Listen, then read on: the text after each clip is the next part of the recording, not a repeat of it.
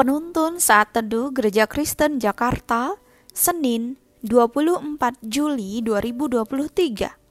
Judul Renungan, Aman dalam Tuhan. Nats Alkitab terambil di dalam kitab Mazmur pasal 34 ayat 1 sampai 10. Dalam perlindungan Tuhan.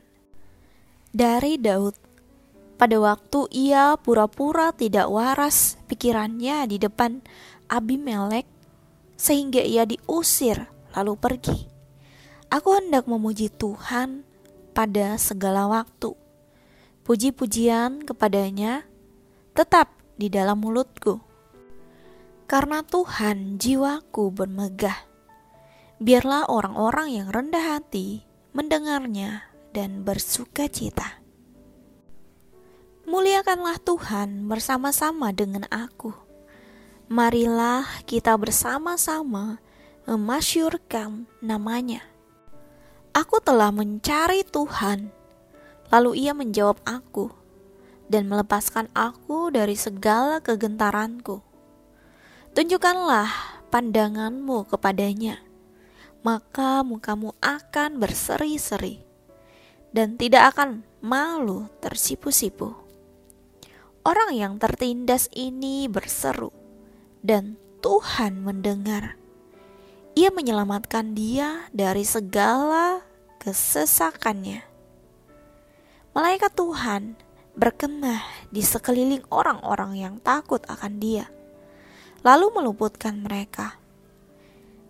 Kecaplah dan lihatlah betapa baiknya Tuhan itu Berbahagialah orang yang berlindung padanya.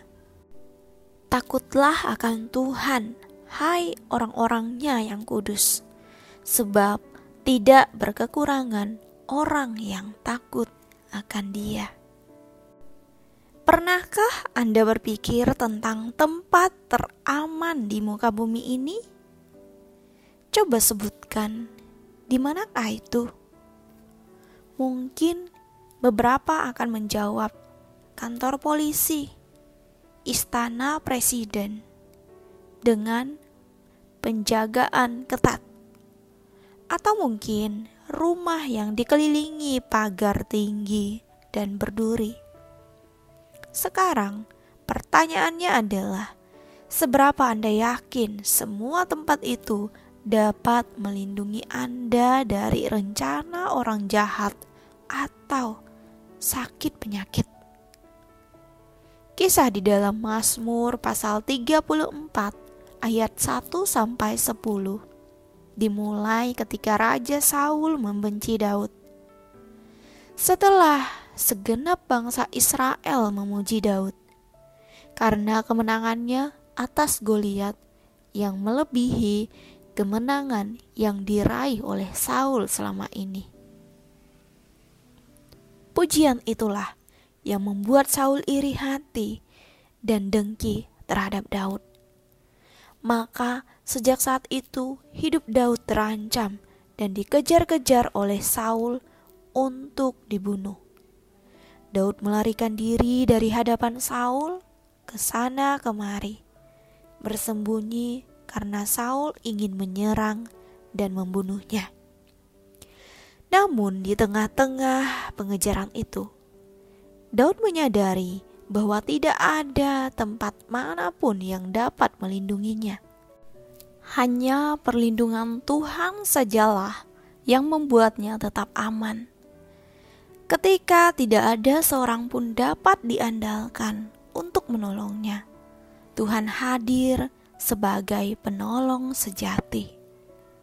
Seringkali tanpa disadari, orang akan berlaku buruk terhadap kita atau merencanakan hal yang jahat. Bukan karena kesalahan kita terhadap mereka, tetapi karena mereka iri hati dan dengki.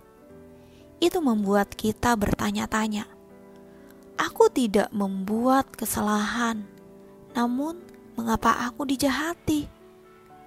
Pada saat kita mengalami hal itu, janganlah takut dan gentar, sebab Tuhan senantiasa akan membela dan menolong anaknya.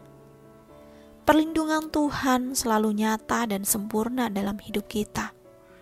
Apa pun situasi, pergumulan, dan kesulitan yang kita sedang hadapi atau alami saat ini, berlindunglah kepada Tuhan.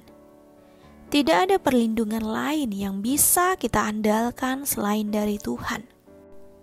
Untuk itu, jangan ada sandaran-sandaran yang lain di luar Tuhan. Takutlah akan Tuhan adalah kunci kemenangan. Amin. Terima kasih, Tuhan Yesus memberkati.